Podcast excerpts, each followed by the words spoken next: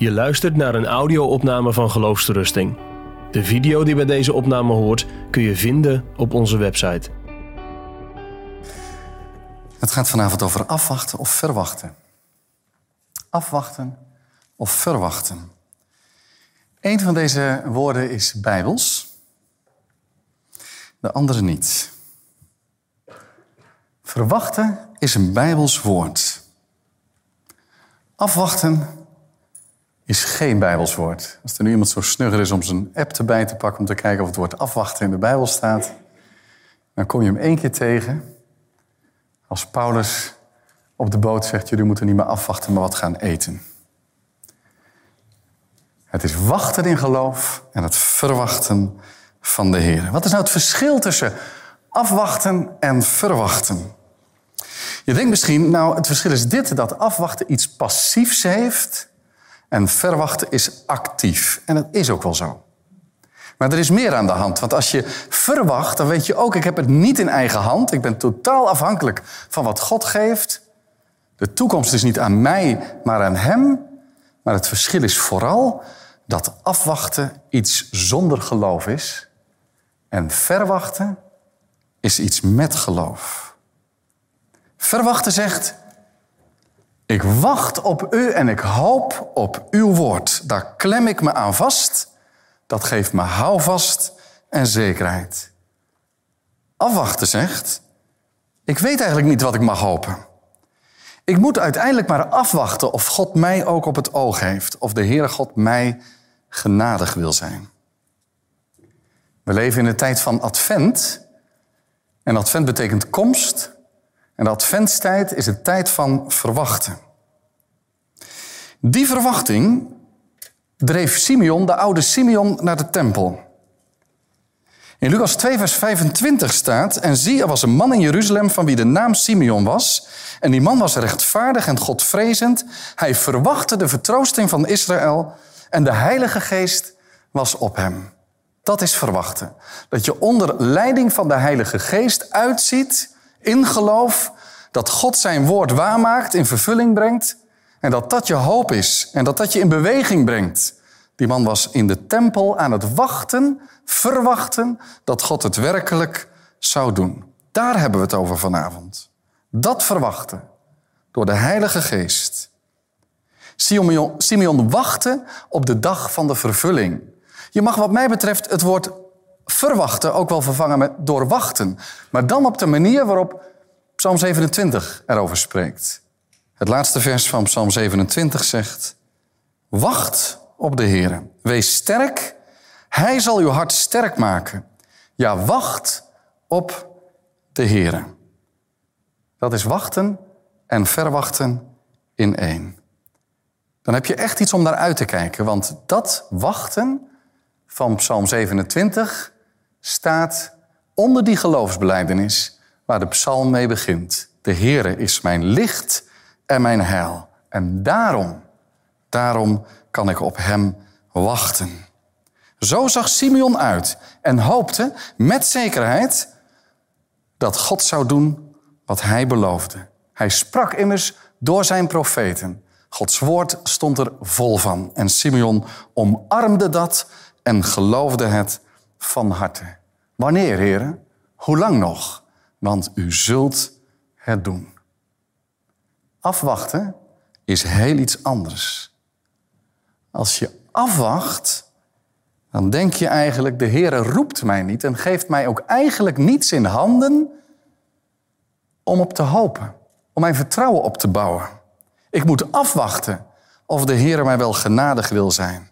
Want dat kun je niet weten uit de Bijbel of uit de prediking van Gods Woord. En ik ga nu die gedachtegang van het afwachten wat zwart-wit voor jullie omschrijven. Niet omdat ik daar iemand in de gedachten heb speciaal van die zal dat zo horen of precies geloven, maar ik doe het bewust wat zwart-wit. Waarom? Wat is mijn drijfveer? Omdat het kerst is geweest en God de wereld zo lief had dat hij zijn enige geboren zoon gegeven heeft, opdat een ieder die in hem gelooft niet verloren gaat, maar het eeuwige leven hebt. Daarom is het zo van groot belang dat we de belofte van het evangelie geloven de Heer Jezus Christus als onze redder aannemen, tot geloof komen in Hem en niet op een later moment van je leven, maar vandaag. Vandaag is het de dag die God ons geeft. De wel aangename tijd, zo je wilt. De dag van de zaligheid. En daarom hoop ik dat als jij nog hoort bij die gedachtegang van het afwachten, dat je over mag gaan naar een hele andere gedachtegang. Van het verwachten van de Heer Jezus Christus en het hopen op het woord van het Evangelie. Bij afwachten hoort deze gedachtegang, denk ik. Gods beloften zijn niet voor iedereen. Gods liefde, zoals Johannes 3, vers 16 erover spreekt. Zo lief heeft God de wereld gehad. Kun je uiteindelijk niet op iedereen betrekken, want dat kan niet. Immers, ik zit nog in die gedachtegang, hè? God heeft zijn uitverkorene lief en hen alleen. Bij gevolg moet je zeggen dat hij zijn niet-uitverkorenen niet lief heeft. Ik moet hopen dat ik daarbij mag horen. Maar dat weet ik niet. Ik moet dus afwachten.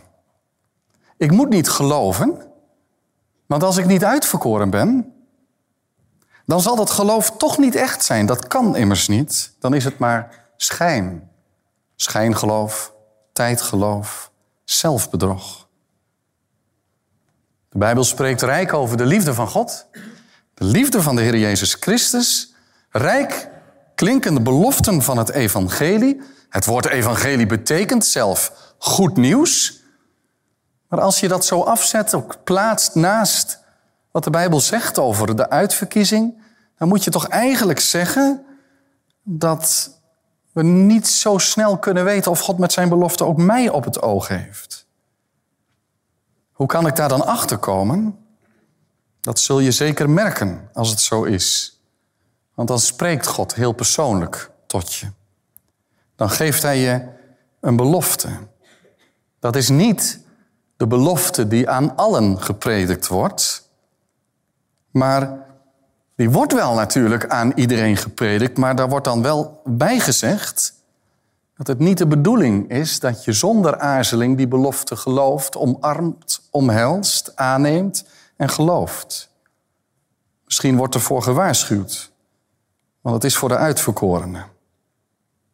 Ik blijf nog even in de gedachtegang en ik herhaal nog maar eens dat ik het wat zwart-wit neerzet, zodat je het goed kan volgen.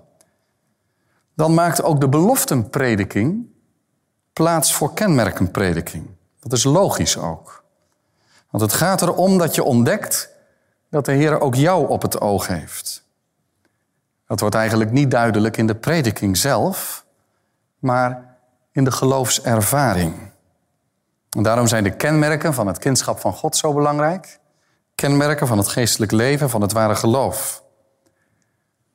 Dan wordt er in de preek gezegd, en begrijp me goed, ik blijf in de gedachtegang en niet alles in die gedachtegang wil ik onder kritiek stellen, zeker niet. Maar de tendens wordt dan, leg je hart er maar naast. Herken je dit? Want het is belangrijk, daar heb je de gedachtegang wel echt, het is belangrijk om eerst te herkennen dat God met zijn geest in je hart werkt, alvorens je de belofte van het evangelie omarmt en gelooft. Een hele vanzelfse reactie op deze prediking moet dan ook wel zijn: ik weet niet of God mij ook op het oog heeft. Of Gods belofte ook voor mij is. Dat moet nog geopenbaard worden. Dat God het zegt in de prediking is niet genoeg. Hij moet het ook eerst nog persoonlijk tegen mij zeggen. Misschien bid je dan ook wel voordat je naar een preek luistert, mag er een woord voor mij bij zijn. In plaats dat je bedenkt dat heel de prediking woord van God voor jou is. Ik haast mij, en hier breek ik die gedachtegang even af. Ik haast mij dit heel duidelijk te zeggen, deze twee dingen. Eén, ik geloof van harte in de uitverkiezing. Zoals de Dordtse leerregels erover spreken. God zij dank is er een uitverkiezing. Anders zou niemand geloven. Tweede, kenmerkenprediking heeft ook bijbelse grond. Denk maar aan de zaligsprekingen. Zalig zijn de armen van geest. Zalig die treuren. Zalig die honger en dorsten naar de gerechtigheid. Kenmerken. Het gaat er wel om dat kenmerken bijbels evenwichtig aan de orde komen. Niet bijvoorbeeld alleen denkend aan ellendekennis. Niet alleen denkend aan geloofsovergave. Niet alleen denkend aan de dankbaarheid. Al denk ik dat je kan zeggen, bijbels gezien, dat het meeste accent valt op de dankbaarheid. Aangezien de Heer zegt aan de vruchten, ken je de boom. Hoe zit het dan? Hoe kun je in de uitverkiezing geloven en tegelijk niet blijven steken bij dat afwachten? Twee dingen zijn belangrijk. Allereerst door bijbels te denken en je niet te laten vangen in schema's die jij met je verstand klein kan krijgen. Logische denkschema's. Dat is het eerste. En het tweede, en ik werk ze zo uit. Het tweede is door te zien op welke manier de uitverkiezing in de Bijbel aan de orde komt. Even naar die eerste terug. Logische denkschema's. Dan kun je zo denken, als God mensen uitverkiest, een bepaald getal, dat ligt dan al vast. Dat is onveranderlijk.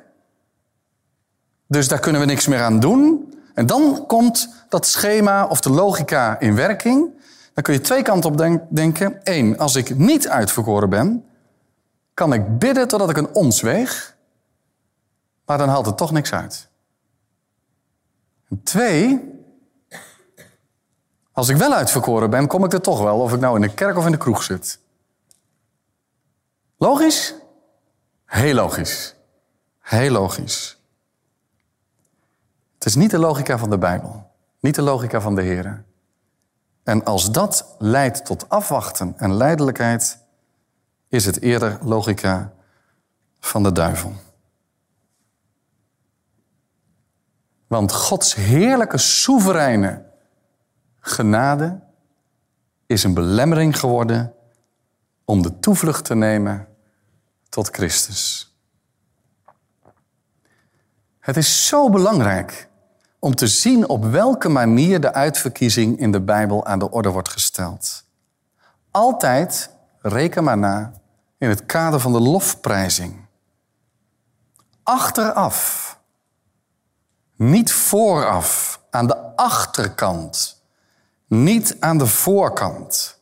Bijbelgetrouw zijn betekent dat je dat verwerkt in je denken over de uitverkiezing. Neem om het maar even, ik wil een voorbeeld geven om het maar duidelijk te maken, een voorbeeld wat je misschien wel eens gehoord had. De, het evangelie spreekt over de enge poort waar je door binnen moet gaan om op de smalle weg ten leven te komen. Nou, stel je die poort eens voor en jij komt bij die poort, dan staat er als het ware boven die poort een bordje. En dat bordje zegt, ga in door de enge poort. En als je daar gehoor aan geeft en je gaat in door de enge poort en je komt aan de andere kant van die poort en je zou eens terugkijken, dan zie je aan de binnenkant van die poort ook een bordje hangen.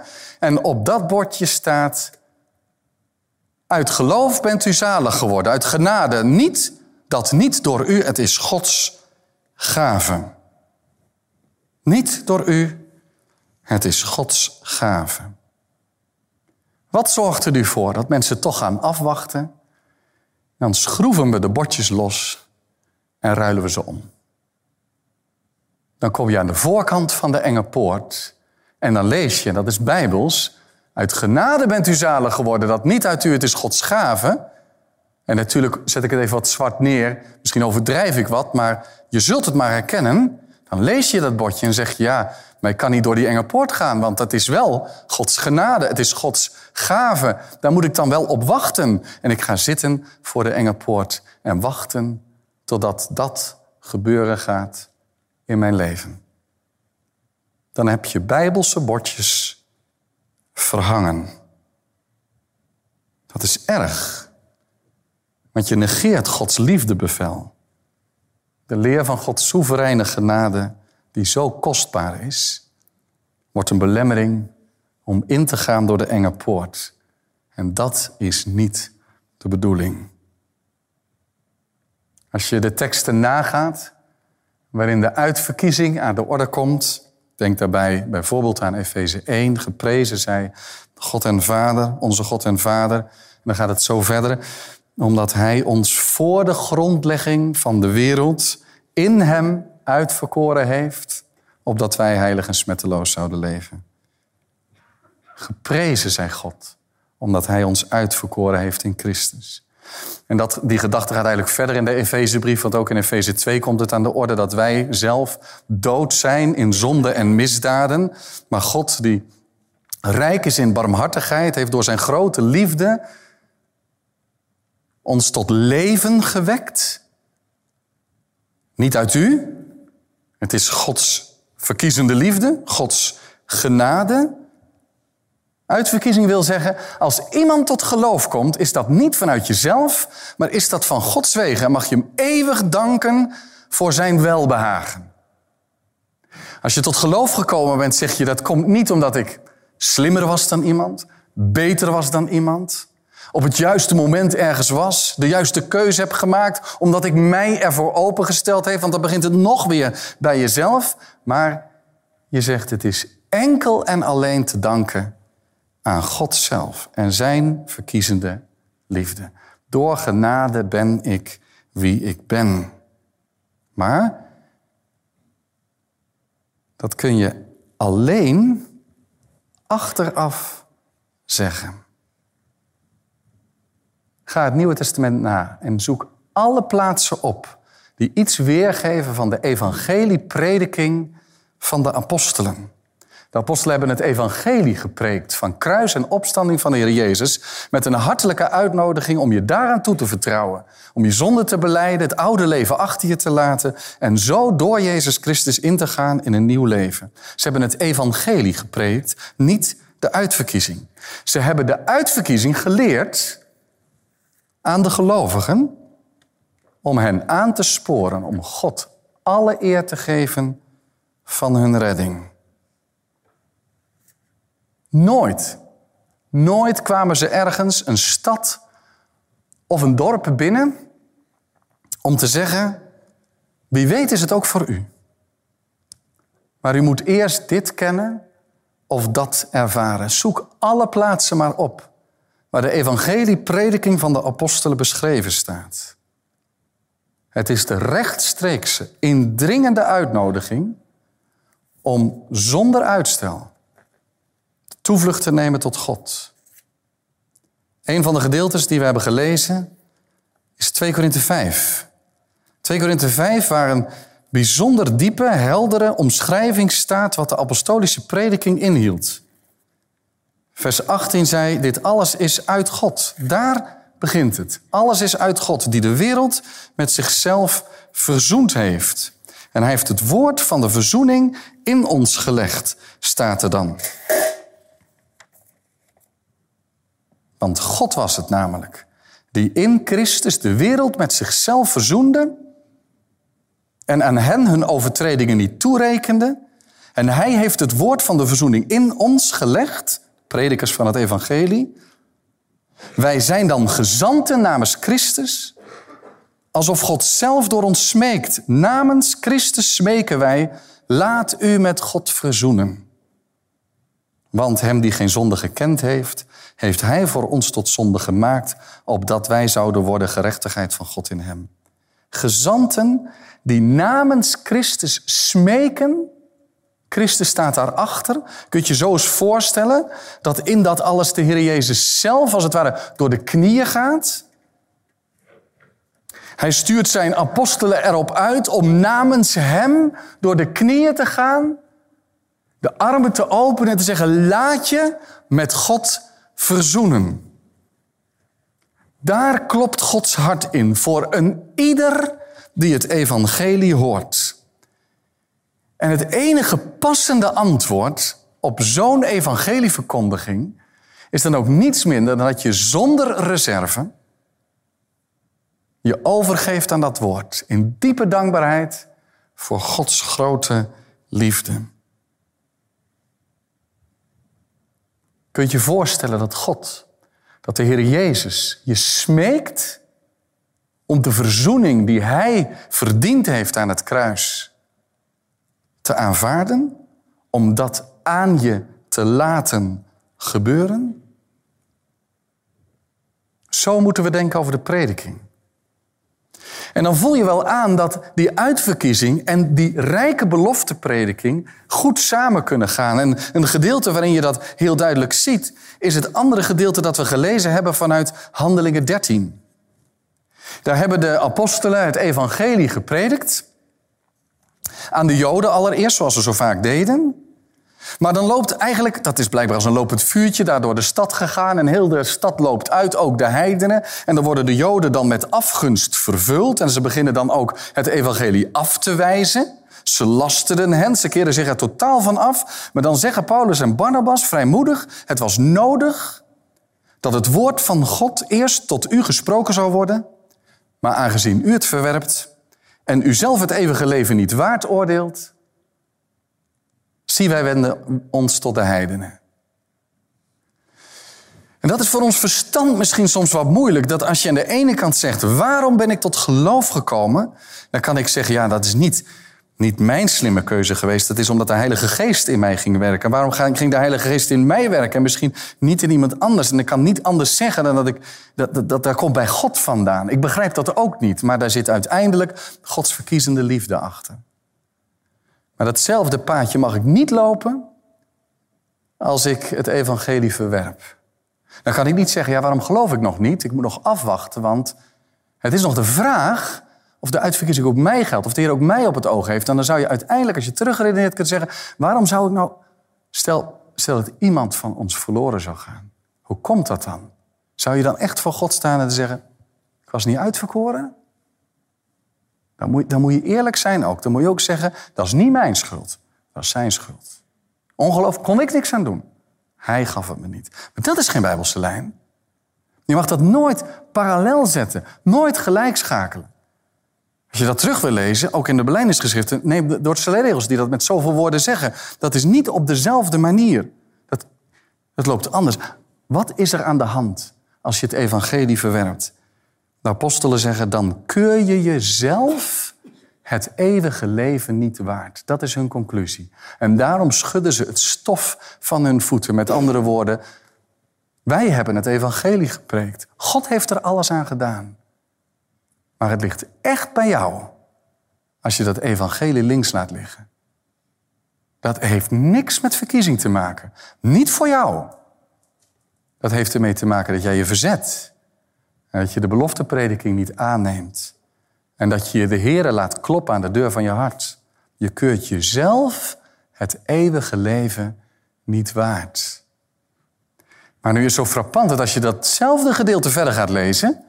En er staat dat dan de heidenen toestromen. Toen nu de heidenen dit hoorden, verblijden zij zich en prezen het woord van de Heer. En dan staat er, en er geloofden er zoveel als er bestemd waren tot het eeuwige leven. Is dat nou niet mooi? Dat is dus de Bijbelse manier om erover te spreken. En het woord van de Heer verbreidde zich door heel het land. Zij keuren zichzelf het eeuwige leven niet waard. En vervolgens nemen de heidenen het aan en dan schrijft Lucas in de handelingen... en er geloofden er zoveel als er voorbestemd waren tot het eeuwige leven. Daar heb je ze allebei. Rijke prediking van het evangelie. Er is geen belemmering. Een verzoend God strekt zijn handen naar je uit. Als je het verwerpt, ligt dat alleen aan jou. De Heere wil. Kom tot Hem. En als je komt, blijft er één ding over, is God prijzen. Omdat Hij de deur van je hart heeft geopend. De Heere kan daarmee omgaan. Dat Hij zegt, ik klop aan je deur. Wie mij open doet, ik zal bij hem binnenkomen en het avondmaal met hem houden. Jij moet de deur open doen, kun je rustig zeggen tegen iemand. En tegelijk geloof ik dat als die deur openzwaait en Christus binnentreedt, dat we voor eeuwig gaan zingen. Hoe is het mogelijk? Als het aan mij had gelegen, was ik alle kanten opgedwaald behalve de goede. Maar het is door u, door u alleen, om het eeuwig welbehagen. En die twee dingen, als dat in jouw kersenpit niet kloppen kan, dan klopt het maar niet. Maar dat is de spanning, de inhoud van de Bijbelse boodschap waar je niks van af mag doen. Misschien wordt het ons ooit nog eens geopenbaard hoe het logisch in elkaar zet, maar dat vraag ik me ook af. Want we zullen dan God aanbidden. Bij God zijn deze dingen mogelijk. Hij wil dat wij door de prediking van het evangelie tot Hem komen. Alle verzet opgeven en Jezus aannemen. Zoek het maar op. Dordtse leerregels, hoofdstuk 3, 4, artikel 8. Zoveel als door het evangelie geroepen worden, die worden in alle ernst geroepen. Want God laat in zijn woord met ernst en waarachtigheid zien wat hij graag wil. Namelijk dat zij die geroepen worden, dat zijn allen die de prediking horen, tot hem komen. Dat wil hij. Hij belooft ook met ernst aan allen die tot hem komen en geloven de rust van hun zielen en het eeuwige leven. Dat is Gods belofte. Niemand moet afwachten. Niemand mag afwachten. Nu is het er wel aangename tijd. De dag van de zaligheid. Heden, zo gij zijn stem hoort, verhard u niet, maar laat u leiden. Stel niet uit. Je hoeft niet af te wachten. Je mag ook niet afwachten. Als de Heere het zijn dienaren laat smeken om je aan Hem over te geven, met Hem te laten verzoenen, wie ben jij dan om te zeggen, dat is voor mij niet genoeg? Niet geloven noemt de Bijbel zonde. Als je daar last van hebt, moet je naar de Heere toevluchten. Maar vergoelijk het niet. Het is een kenmerk, om ook maar eens een kenmerk te prediken. Het is een kenmerk van ware prediking dat ongeloof zonde is. Als ongeloof vergoelijkt wordt omdat afwachten zou aangeprezen worden, is het niet goed. Er is maar één passend antwoord op de belofte van God. En dat is beleidenis en geloofsovergave. Afwachten betekent dat je vraagtekens stelt bij het woord en de belofte van God. Meent God het wel? En je komt dan, dat hoort bij de gedachte van het afwachten, je komt dan tot deze gedachte dat als God nu eens zou willen, zoals jij wilt, dat het dan nog wel goed komt. Dat is een oneerbiedige gedachte. Wil jij wel, maar God niet? Het evangelie is één grote uitnodiging om tot Hem te komen. Moet je iets ontvangen hebben? Moet je iets meebrengen? Niets anders dan je verloren leven. Want dat past zo ontzettend goed bij dat kind in de kribbe. Bij onze Heer en Heiland die zijn leven gaf aan het kruis. De opgestane Heer, de koning der koningen. Niet afwachten, maar verwachten. Je gelovig, restloos overgeven aan Gods genadewoord. Aan wie uiteindelijk Hij zelf is. Zo mag je Hem verwachten in deze adventstijd. Uitzien naar kerstfeest, maar ook daaroverheen. Naar die komst van Hem op de wolken. Als Hij de wereld tot voleinding zal brengen en het oordeel daar zal zijn. En dan, en dan de eeuwige bestemming voor wie gelooft. Een nieuwe hemel en een nieuwe aarde. En elke zondag, je mag bidden, Heer, mag er een woord voor mij bij zijn. Maar vergis je niet, heel die preek is woord voor jou. Omdat God zijn hart daarin neerlegt. Daar mag je aan vastgrijpen. Je erin geloof bij neerleggen en zeggen, wat heb ik nog te verwachten, Heer? Wat verwacht ik? Mijn hoop, die is op u. En hoef je niet in onzekerheid te leven. Want hij heeft het zelf gezegd. Geloof je dat hij een waarmaker is van zijn woord? Wat zou het een zegen zijn? Ken jullie natuurlijk niet allemaal persoonlijk, maar wat houdt je tegen? Wat zou het een zegen zijn als je nog niet de Heer Jezus hebt beleden als jouw Heer, je dat vanavond mag doen. Omdat ook vanavond God zijn hand naar je uitstrekt en zegt, ik wil, word gereinigd. Want wie gelooft, die heeft het. Wie niet gelooft, die heeft het niet. Dat is een woord van Luther. Het is ook een Bijbels woord. Als je gelooft in de Heer Jezus Christus, je legt je als het ware voor Hem neer. Je grijpt je vast aan Zijn beloften. Al die beloften van het Evangelie. Dan kun je niet verloren gaan. Tot in eeuwigheid niet. Je luistert naar een podcast van Geloofsterusting. Wil je meer luisteren, lezen of bekijken? Steun dan ons werk en ga naar de website geloofsterusting.nl.